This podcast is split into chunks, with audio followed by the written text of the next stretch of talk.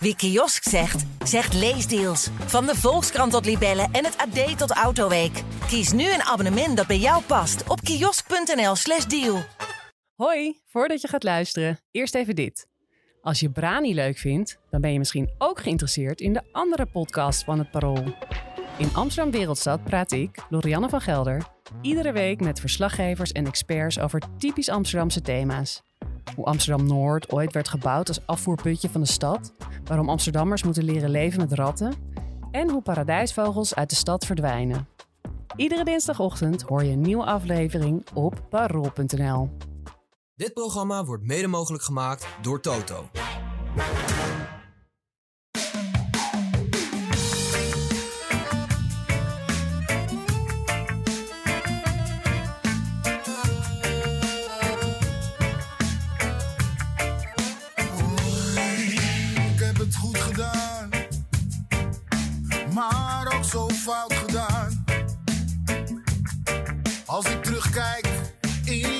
Tijd, een lach met tranen, zo Pijloze diepte.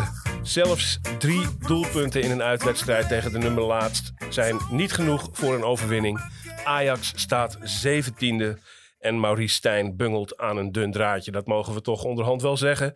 Welkom bij Brani, de Ajax-podcast van het Parool. We gaan het hebben over de hele tragedie opnieuw.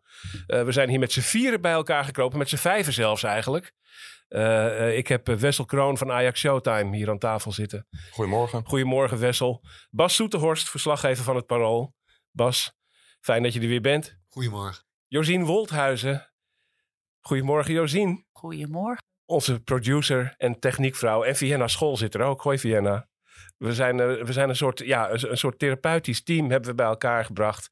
Om het even te hebben over Ajax. Eh 40 minuten op de maandagochtend. Want dat hebben we nodig. Even praten hoe het gaat. Het gaat niet goed. We moeten het hebben over Utrecht-Ajax. Ehm, we gaan meteen met die wedstrijd los. Eh, want eh, daar valt heel veel over te zeggen. Wessel, de opstelling van Ajax was weer op een aantal plekken gewijzigd. Ten opzichte van de vorige keer. Wat dacht jij toen je hem zag? Eh, ik zag een hoop dingen op zich eh, waar ik wel blij van kon worden. Ehm, maar ja, als je toch weer ziet hè, dat Stijn twee weken of drie weken geleden had gezegd dat eh, Avila en Sutalo centraal achterin een duurzaam duo voor de toekomst was. En dan daarna nog één wedstrijd met dat centrale duo speelt en daarna het weer helemaal omgooit. Ja, dan maak je jezelf ook niet heel geloofwaardig. Nee. En die vleugelverdedigers, hè? Ja. Guy en Sosa, allebei in de basis. Allebei min of meer afgedankt en aan de kant gehouden een tijd. Eh, en zodra ze weer nodig zijn, staan ze er toch weer in. Ja, ik heb altijd gezegd dat ik eh, Sosa en Guy... Nou, van Guy hebben natuurlijk nog niet zoveel gezien.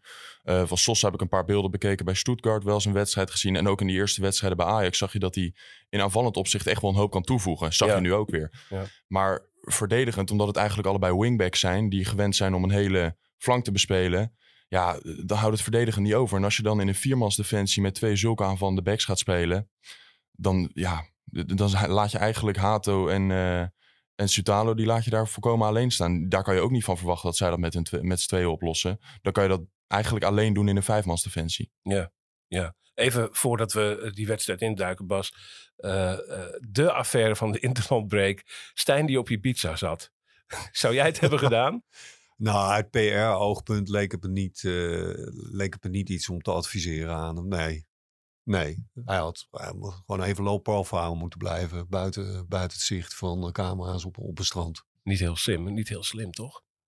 Nee, lijkt mij ook niet. Nee. En dan ook nog zo verongelijk doen. Eh, ik snap helemaal niets van de kritiek. Ja, dan, en dan zegt hij. Men, mensen weten niet hoe het is om trainer voor Ajax te zijn. Maar dan vraag ik me af, weet je dat zelf eigenlijk wel? Ja, het is, een- het is wel echt, het is echt vreemd wel een ja, beetje. maar natuurlijk valt er heus iets voor te zeggen. Gewoon als je het check bekijkt. Inderdaad, je hebt twee spelers tot je beschikking. Maar je club staat in brand, weet je wel. Ga, God mag weten wat doen om het te redden. Ja. Maar niet met je reet op je pizza op het strand liggen. Dat, ja, voor de buitenwacht. Maar hij weet dat hij gedekt wordt door, eh, nou laten we geen media noemen, maar dat hij niet echt onder vuur ligt nog persoonlijk. Dus misschien dat hij zich daar ook wel eh, door beschermd voelt. En, eh, Dat veilig- is aan het veranderen wel. Hè, toch?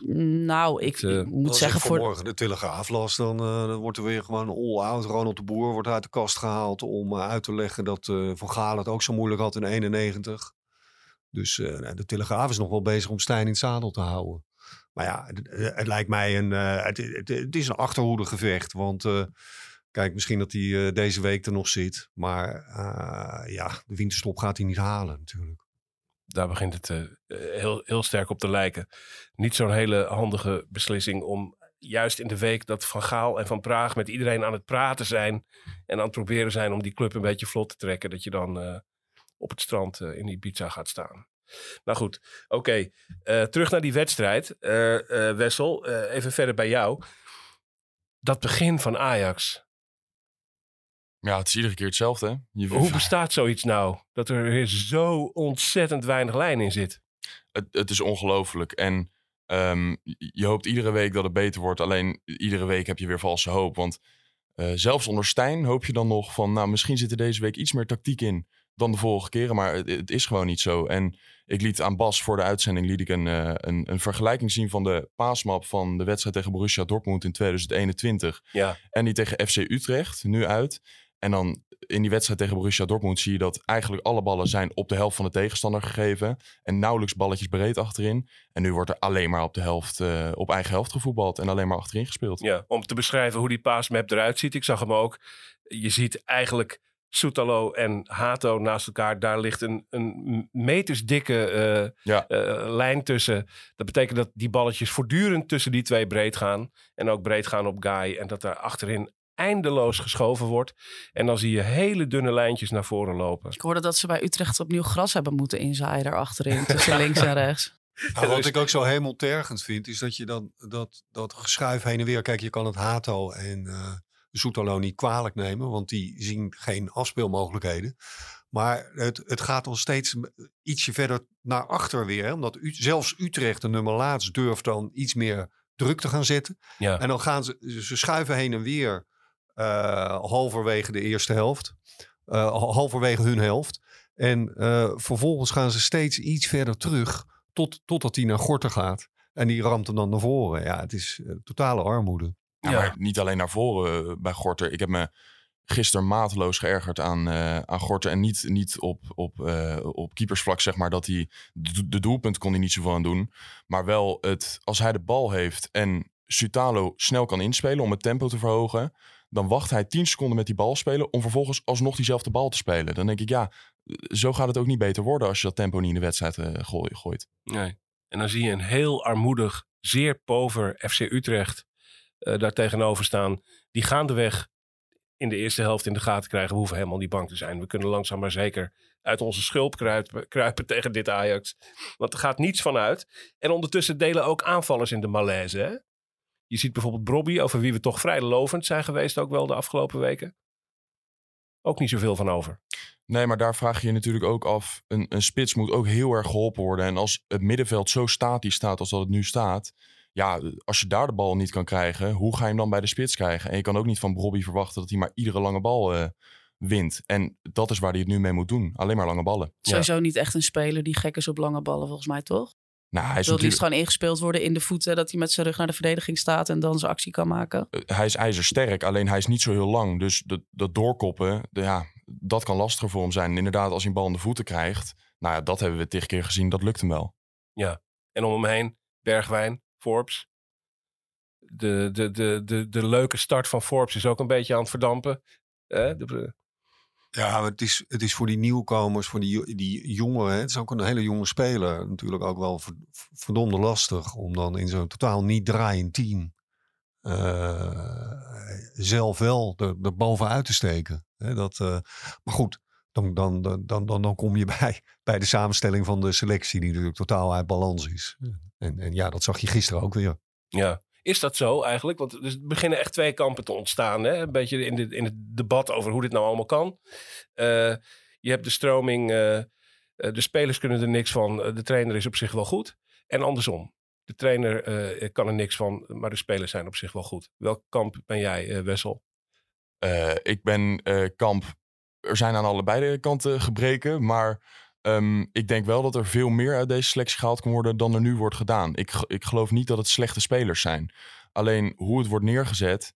eh, als je ook Sutalo ziet, die in, eh, bij Kroatië, bij het nationale elftal, eigenlijk alleen maar in de kleine ruimtes eh, komt te staan. En daar heeft hij geen moeite mee. Daar speelt hij goede wedstrijden. Maar bij Ajax, als je daar beelden ziet in wat voor grote ruimtes hij kon te staan, dat is ongelooflijk. En nog even terugkomend ook op Guy en, en Forbes, dan die hele rechterkant van gisteren. Um, ja, Guy komt er dan in verdedigend opzicht niet ijzersterk uit. Maar dan kan je je ook afvragen of dat niet enigszins de schuld is van Forbes. Want ik heb gisteren echt erop gelet. Hij wordt echt niet geholpen ook. Nee, nee. Sowieso niemand helpt elkaar in dit elftal. Hè. De afstanden zijn ongelooflijk groot.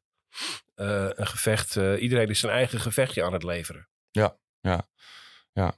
Maar goed, als je dan komt op de vraag, hè, wiens, wiens schuld is het? Ik ben ook een beetje kamp 50-50. Kijk, Maurice Stijn doet heel veel dingen niet goed. Heeft geen duidelijk systeem. En hij heeft het altijd over afspraken. Maar ja, daar, op een gegeven moment houdt dat ook wel op dat je dat kan blijven zeggen. Maar ja, die spelers willen ook niet meer voor hem, voor hem werken. Die, die blijven gewoon maar staan. Die, die gaan er niet voor. Dus ja, ze kunnen het vast wel, maar ze willen het ook niet voor hem. En, maar nou ja, het is, ik denk dat het echt van beide is. Ja, is dat jouw indruk ook, Bas? Dat er inmiddels niet meer gewerkt wordt voor de trainer? Nou, ik weet niet of het uh, obstructie is, maar uh, het, het heeft natuurlijk vanaf dag één eigenlijk, eh, die, die, die, de, eh, los van de, de, eerste wedstrijd tegen Heracles die gewonnen werd, maar daarna heeft Stijn uh, de schuld uh, tamelijk opzichtig afgeschoven op zijn spelers. En uh, ja, die, dat, dat komt, bereikt hun, die geluiden.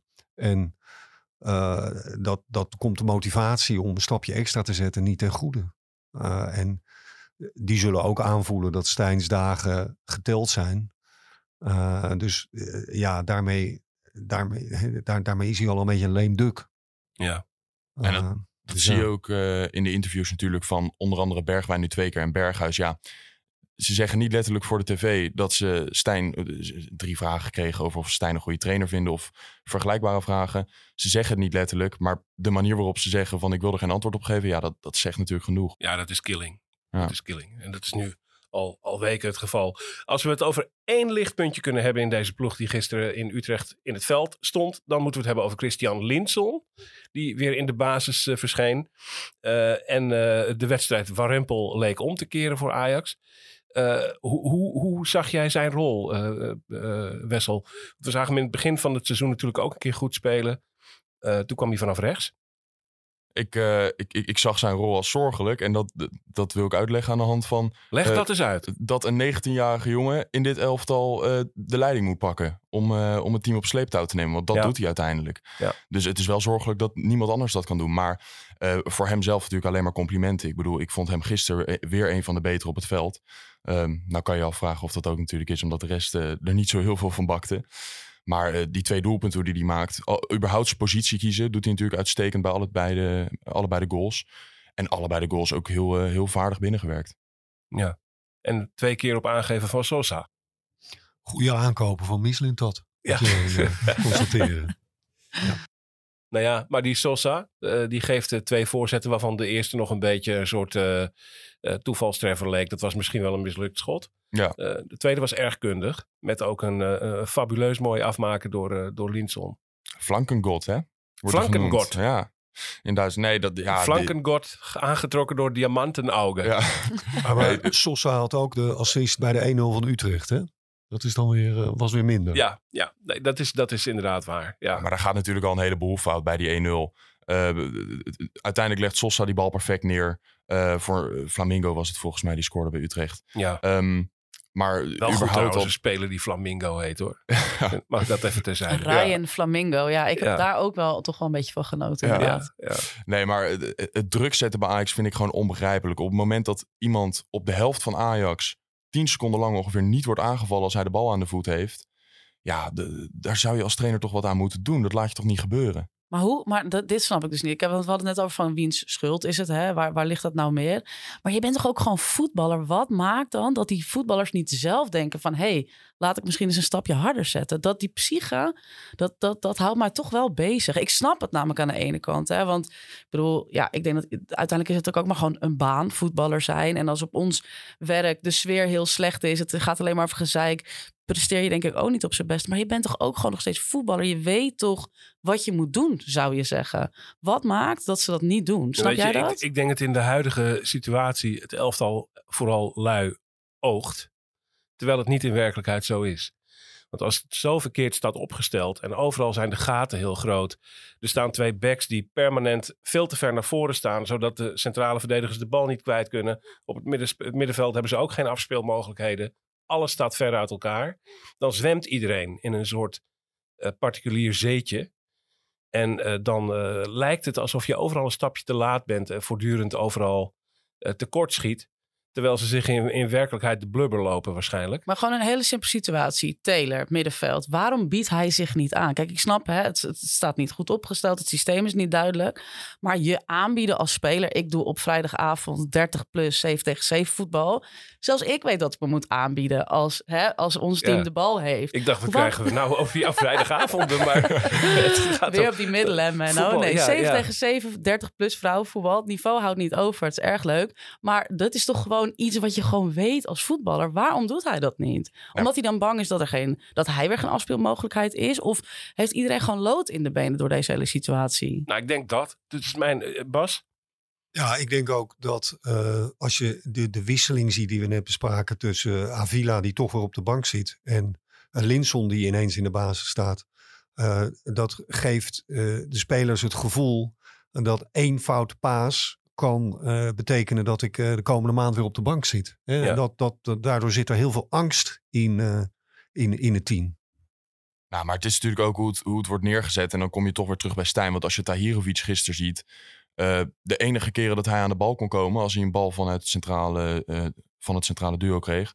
de- dan stond hij tussen drie man in. Ja, en dat is wel echt iets waar Stijn een antwoord op zou moeten hebben. Hoe dat dan wel zou moeten staan om hem aan de bal te krijgen. Ja. Want Tahirovic kon gisteren absoluut geen belangrijke rol spelen. Ja, en die, en die verdediging op één lijn, waardoor elke bal die er tussendoor gaat, meteen betekent dat er iemand doorbreekt. Eh, dat, zijn, dat zijn echt dingen die neergezet kunnen worden door een trainer. Daar kunnen gewoon aanpassingen worden gedaan. Maar hoe kan het dat Stijn dat zelf niet ziet? Snappen jullie dat? Hij ziet ook dat het niet loopt. Hij heeft ook nog twee assistenten. Hoe kan dat? Dat dat week na week niet verandert. Ja, dat is de, grote, dat is de grote vraag. Ik, ik zou willen dat ik er een antwoord op had. Maar ehm, ja, hij zal ongetwijfeld iets zien waarvan hij denkt dat hij ermee door kan van hoe het nu gaat. Ehm, alleen de, de andere 50.000 mensen die in het stadion zitten in de arena, die, eh, die zien dat niet. En eh, nog veel meer mensen. Maar eh, het zou fijn zijn als we daar een antwoord op zouden Ja. hebben. Bas, we- weet jij het misschien? Want jij kent Stijn al langer als eh, Spartaan. Jij hebt hem een jaar en een beetje aan het werk gezien. Ja, maar dat, dat, ja, dat is onvergelijkbaar met wat er nu gaande is. En, eh, Maar Sparta stond vijfde op een gegeven moment. Die ploeg kreeg hij toch echt aardig aan de praat. Jawel, maar, maar daar heeft hij nooit die druk ervaren. Want hij stapte erin op het moment dat ze op degraderen stonden. En vanaf dat moment ging het alleen maar omhoog, alleen maar beter. Eh, en, en zaten ze in een flow waar ze niet meer uitraakten. Ehm, Weet je, ik heb Ja. me destijds wel in Erik ten Hag verdiept. Eh, in hoe die eh, zich toewerkte naar zijn baan bij Ajax en uiteindelijk zijn vertrek naar Manchester United. Hoe hij als trainer zijn visie implementeerde.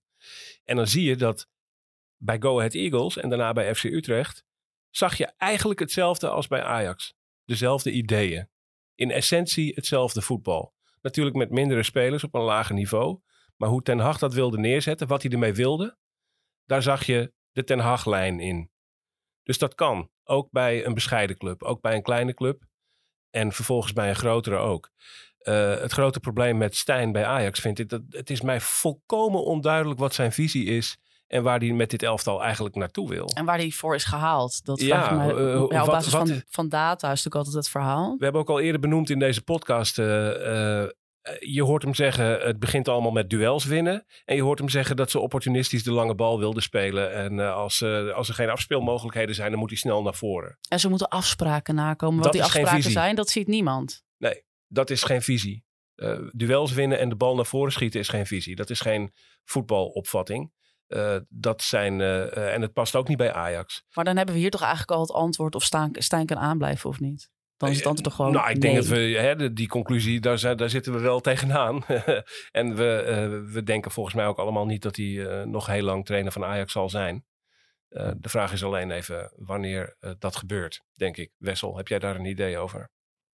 Eh, nou ja, we hebben het er net over gehad. Ik denk inderdaad dat, eh, dat ze, het klinkt heel logisch dat ze wachten naar Brighton en PSV. Omdat als je nu een nieuw iemand voor de groep gaat zetten, eh, dat is ook eh, killing. Eh, dat kan je ook eigenlijk een nieuwe trainer niet aandoen. Om Ja, is dat zo? Ik weet nog dat Frank de Boer volgens mij had hij niet zijn eerste wedstrijd uit tegen AC Milan. Ja. Ja, Ja, dus. ja, en toen wonnen ze 0-2. Ik moet even goed mijn Ja, toen wonnen ze. Toen wonnen ze. Eh, maar als dat niet gebeurt eh, en je krijgt in je eerste twee wedstrijden twee klappen om je oren, eh, dan is het meteen al een vervelende start.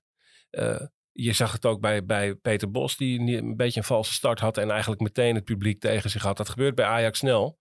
Dus je wilt een nieuwe trainer niet laten beginnen met twee forse nederlagen. En dat, eh, dat gevaar bestaat nu natuurlijk wel met Brighton en PSV voor de deur. Nou, en heb je natuurlijk ook nog de vraag, wie ga je dan voor de groep zetten? Want ik vind bijvoorbeeld, eh, een van de namen die ongetwijfeld een optie zal zijn, zou dan Dave Vos zijn.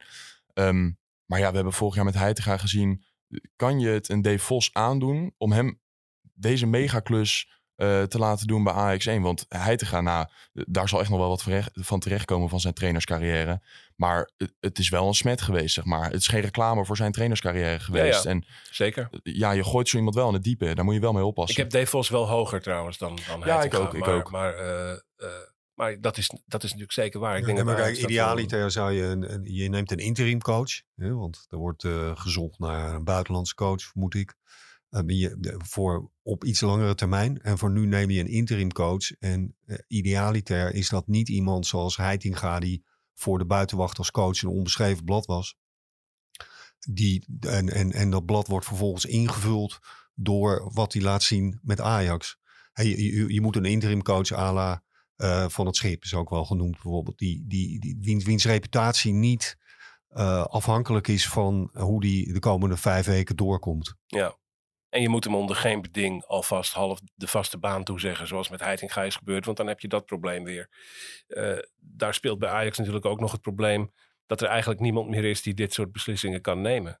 Want Van Halst eh, is tijdelijk algemeen directeur, interim. Die wil ook niet over zijn graf heen regeren. Dus er zit een soort lethargie in, door puur gebrek aan, aan hoofden in de top. Maar ik heb trouwens wel een vraag jou. Waarom heb je Dave Vos hoger zitten dan John Heitinga? Daar ben ik wel benieuwd naar. Want Jong Ajax staat laatste volgens mij. Ja. Waar- ik heb, eh, wat zie jij in hem? Nou, ik ga altijd voor, voor mezelf er heel erg af over hoe iemand over voetbal praat. En dan hoor ik bij Dave Vos een hele doortimmerde eh, visie die er ook eloquent uitkomt.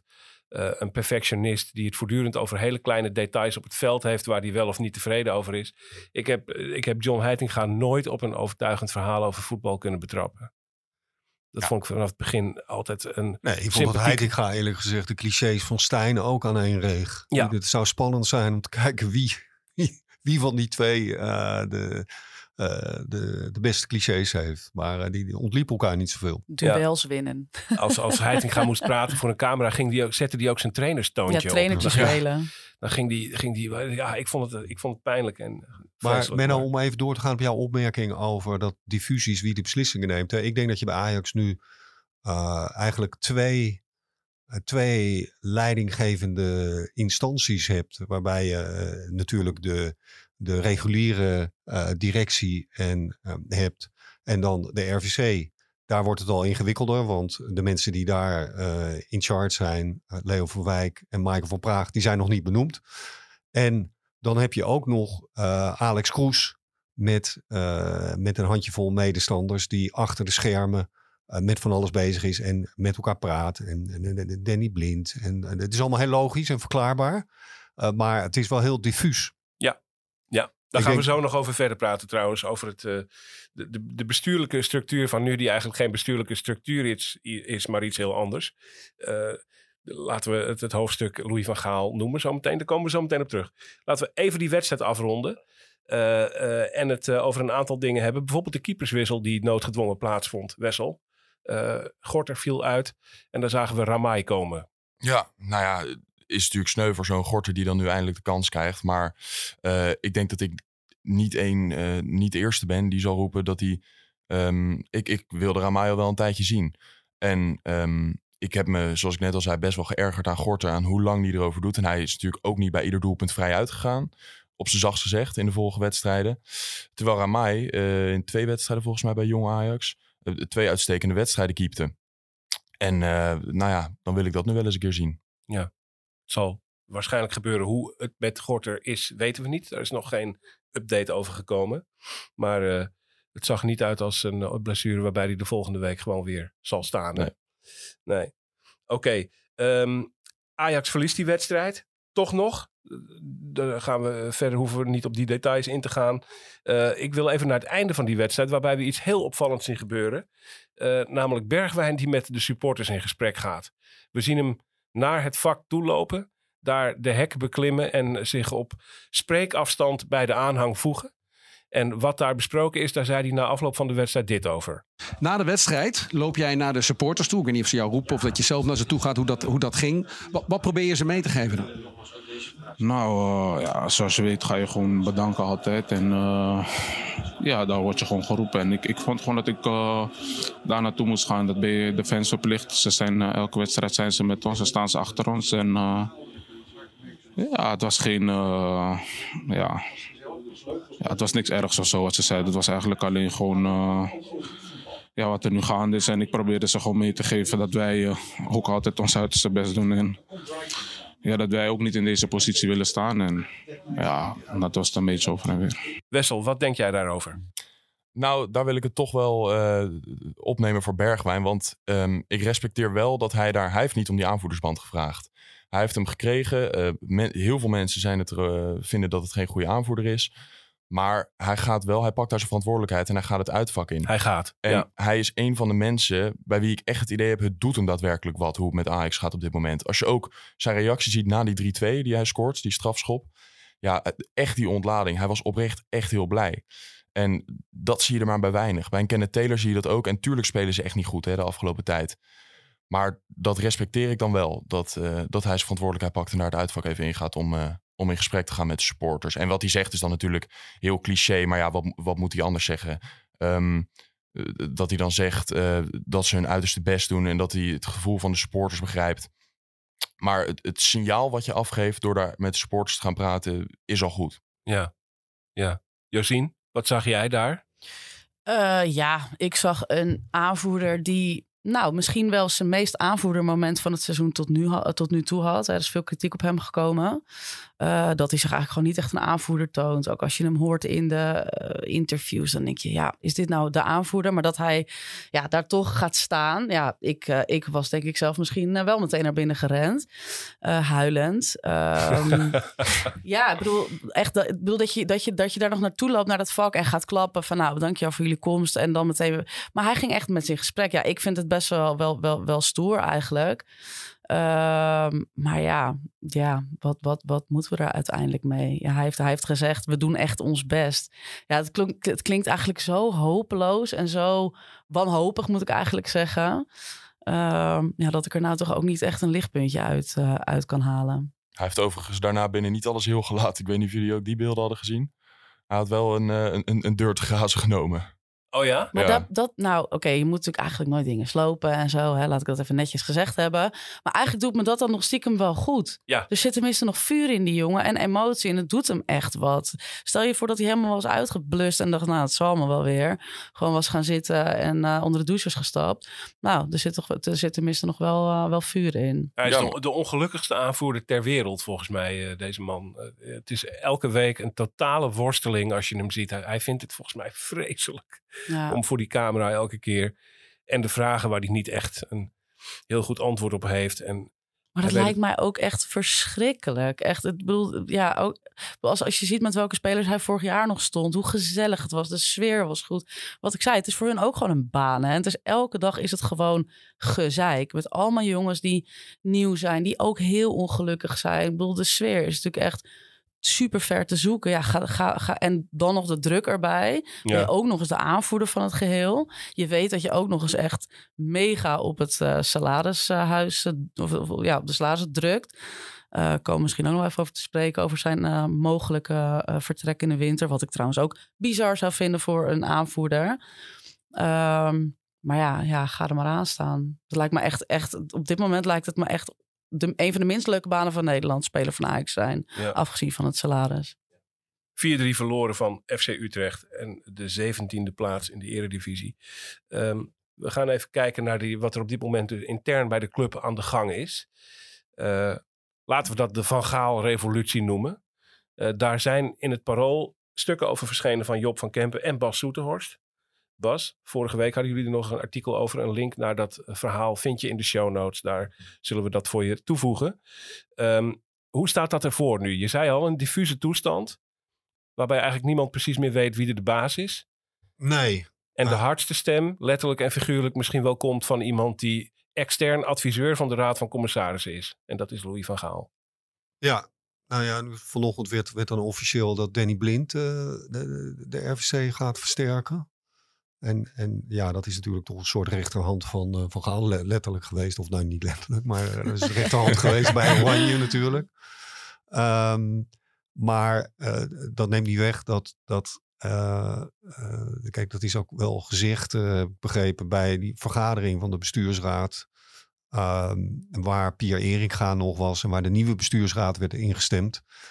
dat, dat het, ik geloof dat Roosje van Bokstel daar gezegd heeft, dat het, dat het wel een kwestie van jaren kan zijn voordat, eh, voordat je weer terug bent op waar je, waar je vandaan kwam. Eh, het, het, het, is niet, het is niet in één transfer window recht te zetten wat hier gebeurd is. Als, je, als, als dit in een normaal bedrijf zou zijn gebeurd, dan denk ik dat, eh, dat, dat de kans groot was dat mensen naar de, onderne de ondernemingskamer zouden stappen, de rechter voor bedrijven, om een eh, enquête aan te vragen naar wanbeleid.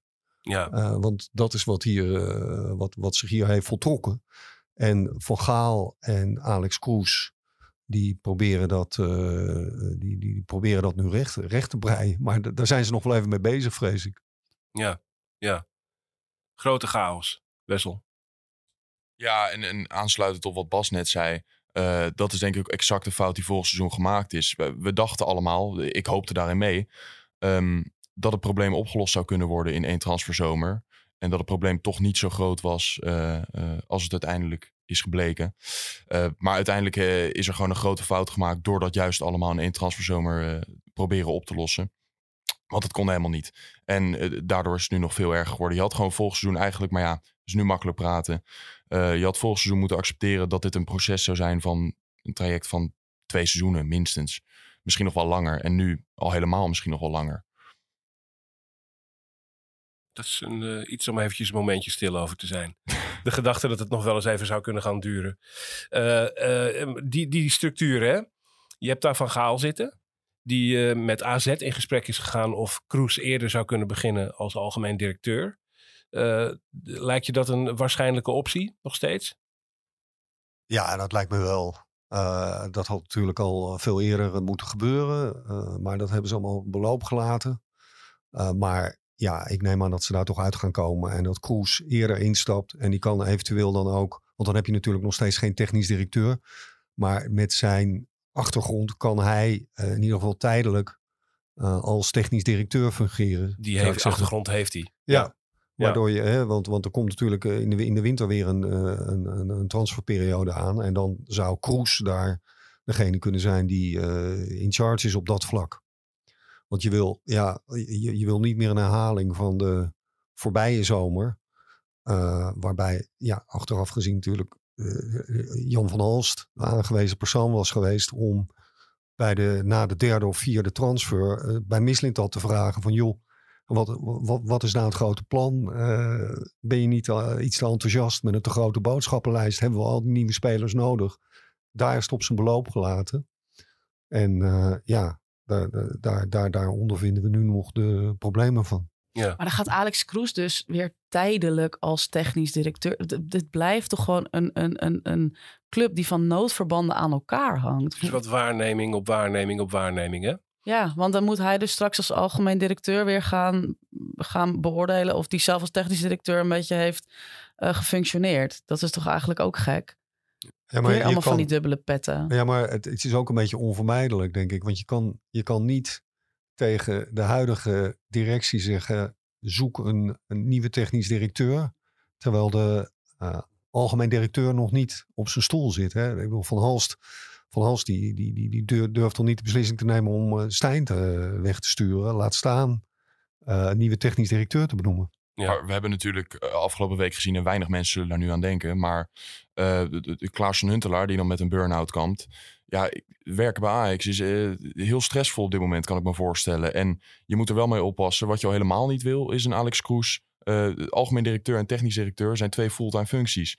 Ja, als je die aan iemand eh, tegelijk gaat geven... wil je niet dat daar hetzelfde mee gaat gebeuren. Nou, heeft Alex Kroes wel genoeg ervaring in het bedrijfsleven... dat ik denk dat dat goed komt. Maar toch, omdat het een thema was afgelopen jaar... ehm, ja, kent dat, de dat club wil je niet bij de goed.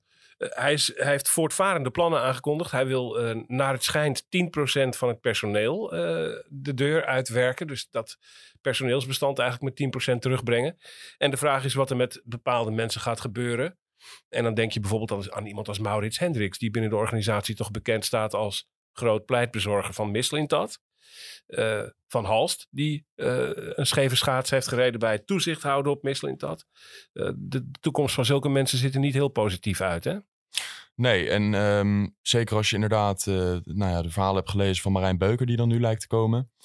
Ja, dan vraag je je af wat zo'n Maurits Hendricks nog to- toevoegt bij Ajax. Die zou dan, eigenlijk het enige wat er nog in zijn portefeuille, als we het zo maar kunnen noemen, eh, valt, is, eh, is de, de bouw van de, de nieuwe toekomst. Want wat wordt de functie van Marijn Beuker precies? Even voor de luisteraars die dat niet weten. Eh, hoe heet zijn functie nou ook weer precies? Ja, die gaat de, de, de opleiding. eh, Hij gaat zich in ieder geval bezighouden met de jeugdopleiding. En eh, dan kan je nog, en, en hoeft hij niet automatisch directeur te worden. Maar het is in, in de huidige constructie bij Ajax zo dat het hoofd jeugdopleiding onder Maurits Hendricks valt. En in de toekomstige eh, constructie met, met Beuker aan boord eh, lijkt me dat niet, niet eh, voor de hand liggen. nee. nee. Die, zal, die zal meer recht, recht onder Kroes komen te zitten. Omdat Beuker is gewoon, ja, die, die, die, zal, de- die, die, die is die jeugdopleider puur zang. En het zou onlogisch zijn als hij dan verantwoording moet afleggen aan, eh, Iemand die uit de hockeywereld komt. ja, om, om het maar zo Ik te zeggen. het maar ik wil het niet zeggen, in. maar Ja. dat komt wel op neer. Ja. Mooi verhaal hè, trouwens Ja. van die Beuker. Ik, eh, ik las het, die, die is dus gestopt met school volgens mij, heeft school niet afgemaakt. Daarna eh tig clubs allemaal eh, een berichtje gestuurd om te kijken of je daar iets kon doen. Daarna een opleiding gevolgd aan de Cruijff Academy. En toen eh, nou, in dit wereldje beland. Ja. Opmerkelijk. Ja, dat zijn vaak de beste die self-made autodidacten die een enorm arbeidsethos aan de dag leggen en overal in de keuken gaan kijken. Die, eh, dat zijn slimme jongens zijn Ja. dat vaak. Dus Denken jullie wel echt trouwens dat, dat, dat een Kroes, maar ook zo'n Beuker, hè, er komt dus wel weer wat nieuw vers bloed richting Ajax, dat die echt weer het tij kunnen gaan keren? Hoe, ja, ik, daar wil ik toch nog wel even op terug. Ik merk dat wij hier aan tafel ook best wel gelaten eigenlijk zijn. We hebben het eigenlijk nog helemaal niet echt gehad over de stand op de ranglijst, die natuurlijk echt bizar, absurd en zoveel superlatieven nog erbij is. Eh, hoe gaat dit ooit nog omkeren? Ik denk wel dat je met die namen mensen hebt die met de vuist op tafel gaan slaan. En dat je dat nu ook een beetje mist. Zeker, zeker. Dat het kijken of iets tij gaat keren, weet je natuurlijk nooit zeker. En je weet niet hoe snel dat gaat en eh, hoe, hoeveel, hoeveel tijd het gaat kosten. En op welke manier dat allemaal zich gaat voltrekken. Wat je wel weet, dat is dat Alex Kroes iemand is die echt uit de schoot van de club komt. Dus een jongen van de club, die eh, ook voetbalt bij de zaterdagafdeling van de club. Kent iedereen. Eh, en het is zo'n zo'n streetwise eh, figuur eh, die, echt, die wel in durft te grijpen. Dat gaat hij ook zeker doen. Dus er gaat daar een, een slagvaardige Ajax-wind waaien. Nou, dat is eigenlijk alles wat je kunt doen op dit moment. Eh, zulke mensen de touwtjes in handen geven. Men, ik zag jou wel twitteren van Ajax gaat gewoon eindigen als zesde, volgens mij zei jij zoiets. Ja, dat denk ik ja. Eh, waarom, wat, wat, wat geeft jou dan houvast? Ik heb die houvast echt totaal niet op dit moment, maar jij wel? Nou, ik, ik hoor eh, tot het kamp dat denkt dat, het, eh, dat deze spelersgroep veel meer potentie heeft dan mensen denken. Ik denk, eh, er zitten 14 internationals in. Dit, kan al, dit zijn jongens die kunnen voetballen. Eh zijn echt geen prutsers. Ik denk dat er, eh, zelfs als je in theorie Stijn zou laten zitten, dat het langzaam maar zeker zou gaan groeien.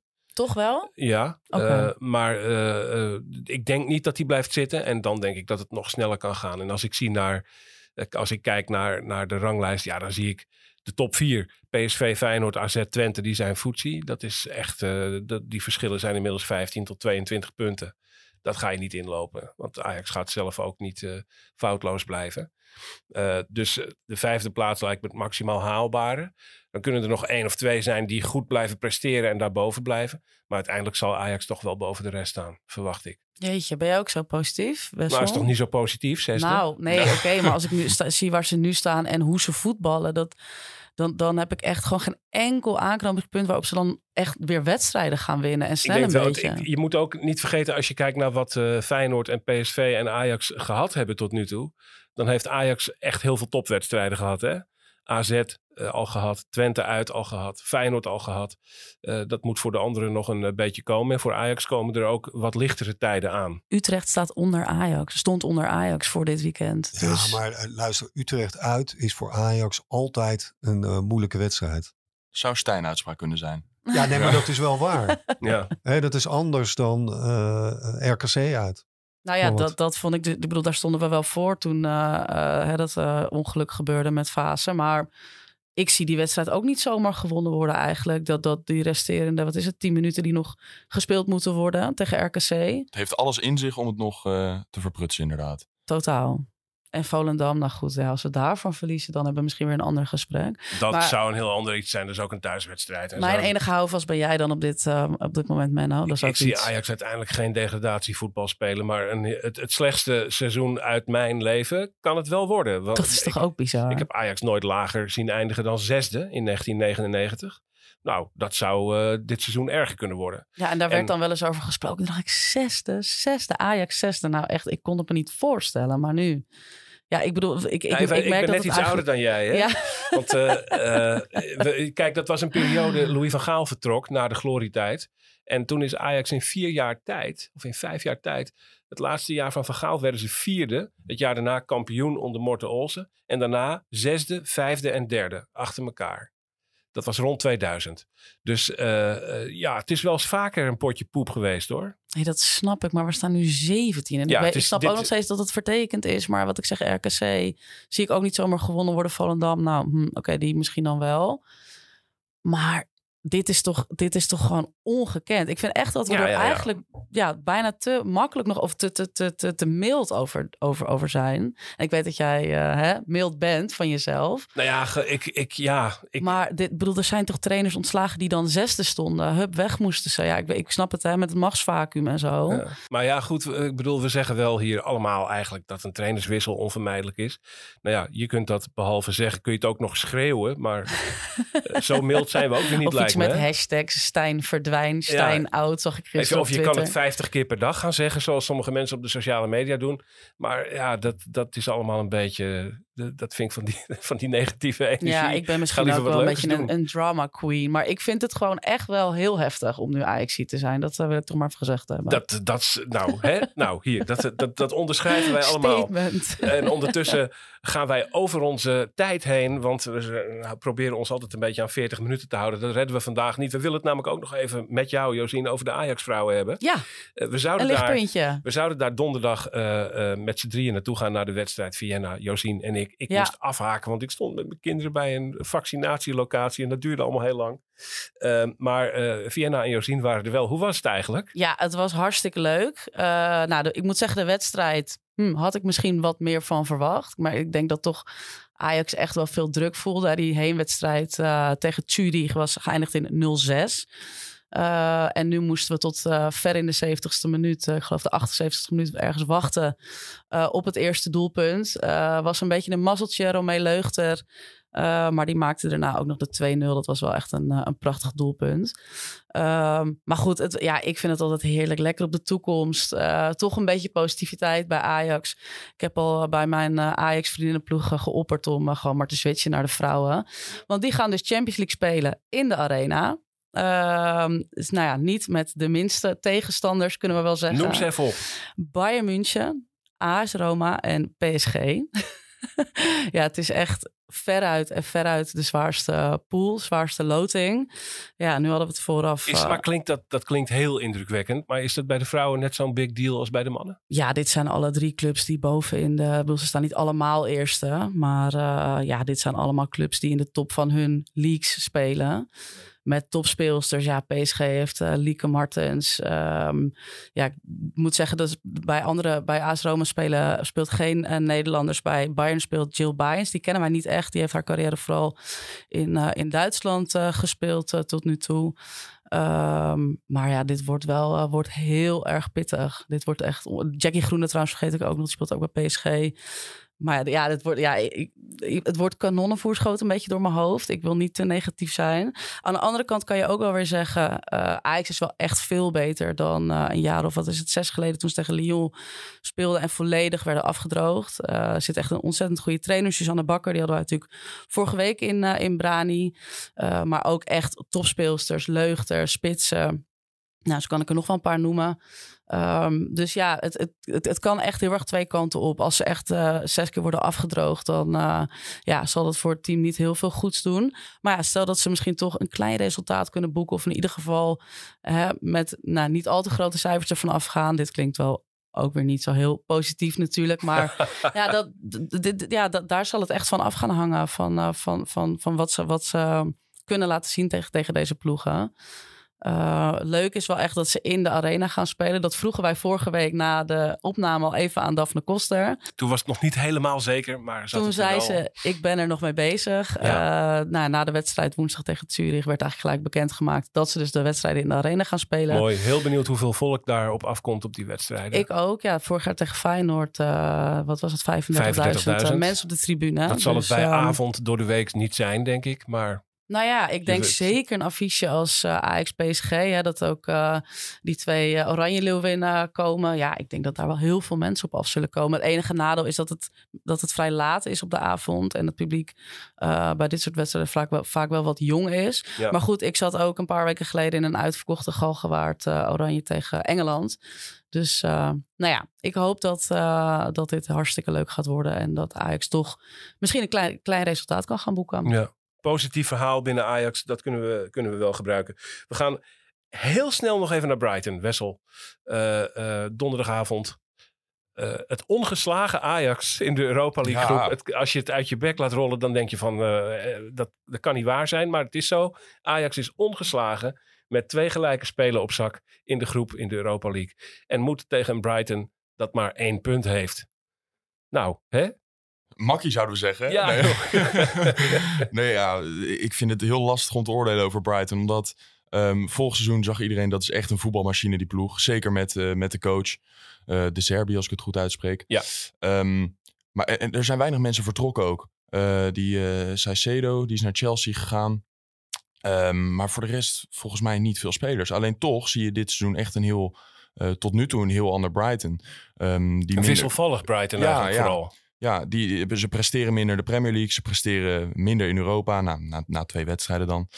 Um, maar het is heel gevaarlijk met zo'n ploeg. Omdat, juist door wat ik zeg, doordat er niet zoveel is veranderd... weet je dat het voetbal erin zit. En uh, het is niet zo dat ze het niet kunnen. Ze kunnen het echt wel. Ze zijn gewoon uit vorm. En ja, uh, het zou wel wat zijn. Het, het, zou in het seizoen passen dat ze uitgerekend die vorm weten te vinden tegen Ajax. En... Uh, Zoals iedereen eigenlijk. Ja, dus ja, ja, precies. Nou ja, ze verloren dit weekend met 2-1 bij Manchester City. Nu kan dat de beste overkomen. Hè? Verliezen bij Manchester City, dan valt 2-1 eigenlijk nog wel mee. Manchester City wel een groot deel van de wedstrijd met 10 man.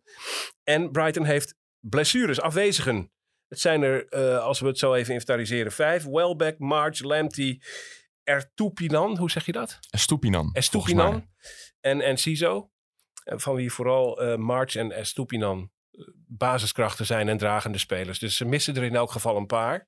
Uh, leuk weerzien met Joel Veldman. Die Zeker. het in Brighton buitengewoon naar zijn zin heeft. En zagen wij deze week daar de buurman is van de muzikant Fatboy Slim. Vond ik leuk om te zien. Uh, ik ben benieuwd of Joel ook wist wie het was. Eigenlijk... Was het documentaire van Ajax Live uh, voor de mensen die dat Ajax, uh, ja, ja, willen zien. Heel leuk filmpje. Waarbij Fatboy Slim, die heeft ook een tijdje, uh, is hij shirt sponsor van de club geweest toen Brighton volkomen do op een dood spoor zat. Bijna failliet was. Uh, en het label van Fatboy Slim heet Skint. Dat betekent bloed. en dat stond toen op het shirt van Brighton. Wat heel erg prachtig was. En het feit dat hij zo als, zich als geldschieter opwierp... betekende ook dat hij een tijdje directeur van de club was. Dus de man van de Rockefeller Skank die tilde eigenlijk Brighton een beetje aan de haren uit het moeras. En kijk eens waar ze nu staan. Uh, een, uh, ja, misschien de meest attractieve ploeg van de Engelse Premier League wel de afgelopen jaren. Het is wel waar jouw twee werelden een beetje samenkomen, hè? Menno, muziek en voetbal. Leuk, Ik toch, zie ook hè? helemaal opleven. Ja, ja. En dan uh, krijgen we daarna nog later Jan Smit als voorzitter van FC Volendam op bezoek. maar goed, laten we, het, laten we die twee werelden niet met elkaar vergelijken. Goed, donderdag. Brighton en Hove Albion tegen Ajax. Ehm, en daarna doemt dan een tripje naar Eindhoven op. PSV Ajax. En eh, nou, daar hoeven we het nu gelukkig nog niet over te hebben. Want dat gaan we vrijdag doen in een extra editie van Brani, de podcast. Een Europese editie. De ochtend na Brighton en Hove Albion. eh, zijn we er voor je om die wedstrijd eh, na te bespreken. En daarna kijken we verder naar wat daarna komt. Ik dank jullie voor het komen. Ehm, Bas Soeterhorst, fijn dat je er was. Josien Wolthuizen, dank je wel. Yes. Wessel Kroon, heel fijn dat je er was. Ja. Mijn naam is Menno Pot. De techniek en de productie van deze podcast is in handen van Josien Wolthuizen samen met Vienna School. Dankjewel ook Vienna. En we hopen jullie allemaal vrijdag weer te zien bij een nieuwe Europese extra editie van Brani. Tot dan.